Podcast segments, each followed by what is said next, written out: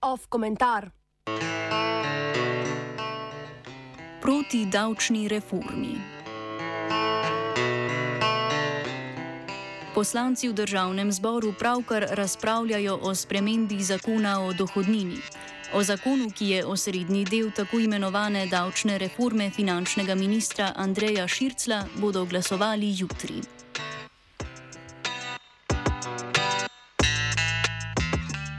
Splošna davčna olajšava se bo po spremembah zakona do leta 2025 dvignila z 3500 evrov na 7500 evrov. To preprosto pomeni, da bo dohodek posameznika od dela manj obdavčen. Odvisno od višine letne plače bodo lahko davčni zavezanci namreč opročeni plačila dohodnine za večji del svoje plače, kakor doslej. Na levici se je razprava o davčni reformi osredotočila na to, kar je povsem očitno. Zakon bo pomagal predvsem tistim z višjimi dohodki. Višja kot je plača, višja je v absolutnih številkah tudi davčna olajšava. Na letni ravni gre za razliko med nekaj sto evri več neto prihodka za tiste z najnižjimi plačami in več tisoč evri višjim neto prihodkom tistih z najvišjimi plačami. Poleg tega sprememba zakona predvideva znižanje davčne stopne v višjem petem dohodninskem razredu z 50 na 45 odstotkov. Še en bombonček za menedžerje je v 4. in 22. členu predloga zakona, po katerih bi nagrade za poslovno uspešnost lahko bile tako visoke, kot je povprečna mesečna plača zaposlenega, ki nagrado prejme. Do sedaj je nagrada za poslovno uspešnost lahko znašala le povprečno mesečno plačo v Sloveniji.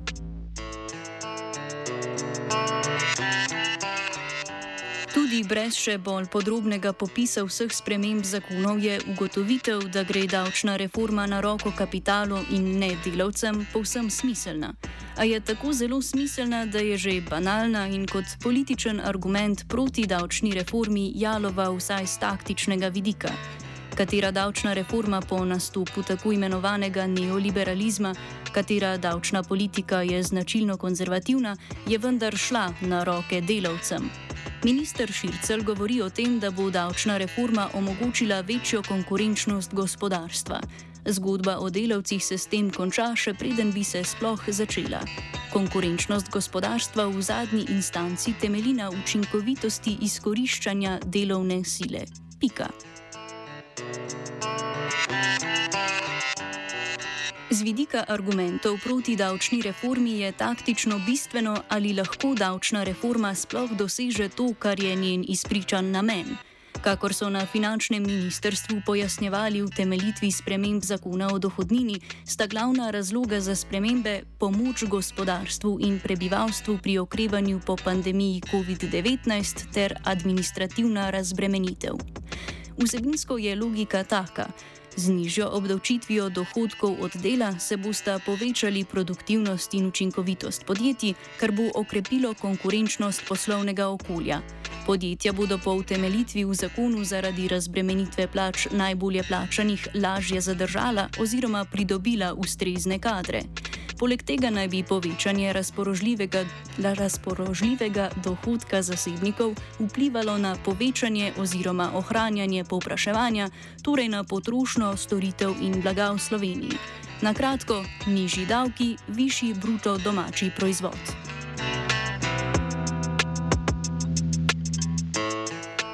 Privzemimo najprej za voljo argumenta, da bo davčna reforma uspešno vodila v povečano notranje povpraševanje.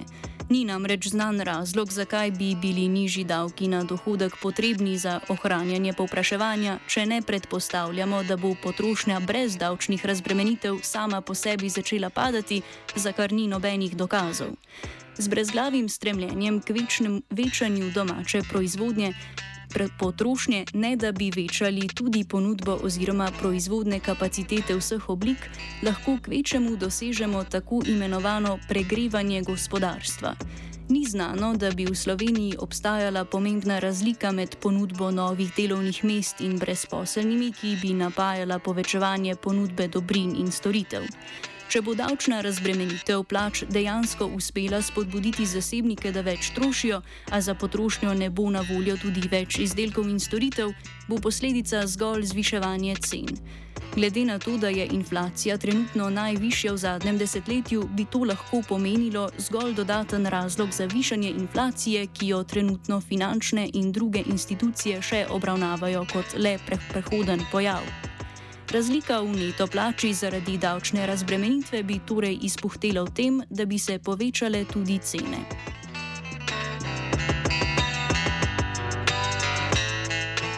Davčna reforma bo po izračunih ministrstva leta 2025, ko spremembe zakona predvidevajo doseg najvišjih davčnih olajšav, povzročila izpad javnofinančnih prihodkov v višini 846 milijonov evrov, že leta 2022 pa v višini 247 milijonov. Minister Šircel pri tem trdi, da bo država izpad prihodkov zaradi davčne reforme pokrila z večjo rastjo bruto domačega proizvoda. A je to poleg možnosti pregrevanja gospodarstva močno vprašljivo tudi z vidika strukture neto povišanja plač. Najbogatejši so si lahko tudi do sedaj, brez više davčne olajšave, privoščili tako rekoč vse, kar so potrebovali in želeli. To, da bodo najbogatejši, pri katerih je za razliko od povojnih časov skoncentriran bistveno večji delež premoženja, imeli več razpoložljivega denarja, torej sploh ne pomeni nujno, da bodo tudi več potrošili. Kaj pa bi si lahko še kupili razen potovanja na Maldive? V primeru, da bodo razliko v neto plači preprosto privrčevali, bodo učinki davčne reforme na rast bruto domačega proizvoda zanemarljivi.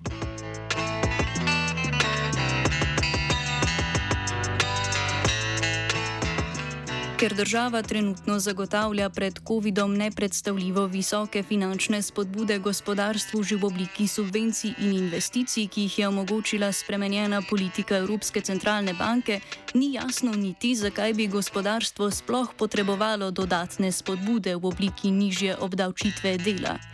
Proračunski primankljaj država ustvarja tako z dodatnim zadolževanjem kot z znižanjem davkov. Če bi vlada ocenjevala, da gospodarstvo za okrevanje po COVID-u potrebuje še dodatne spodbude, bi se lahko na mesto zniževanja davkov preprosto poceni zadolžila in nov denar tudi ciljno usmerila zgolj tja, kjer je potreben. Komentiral je Martin.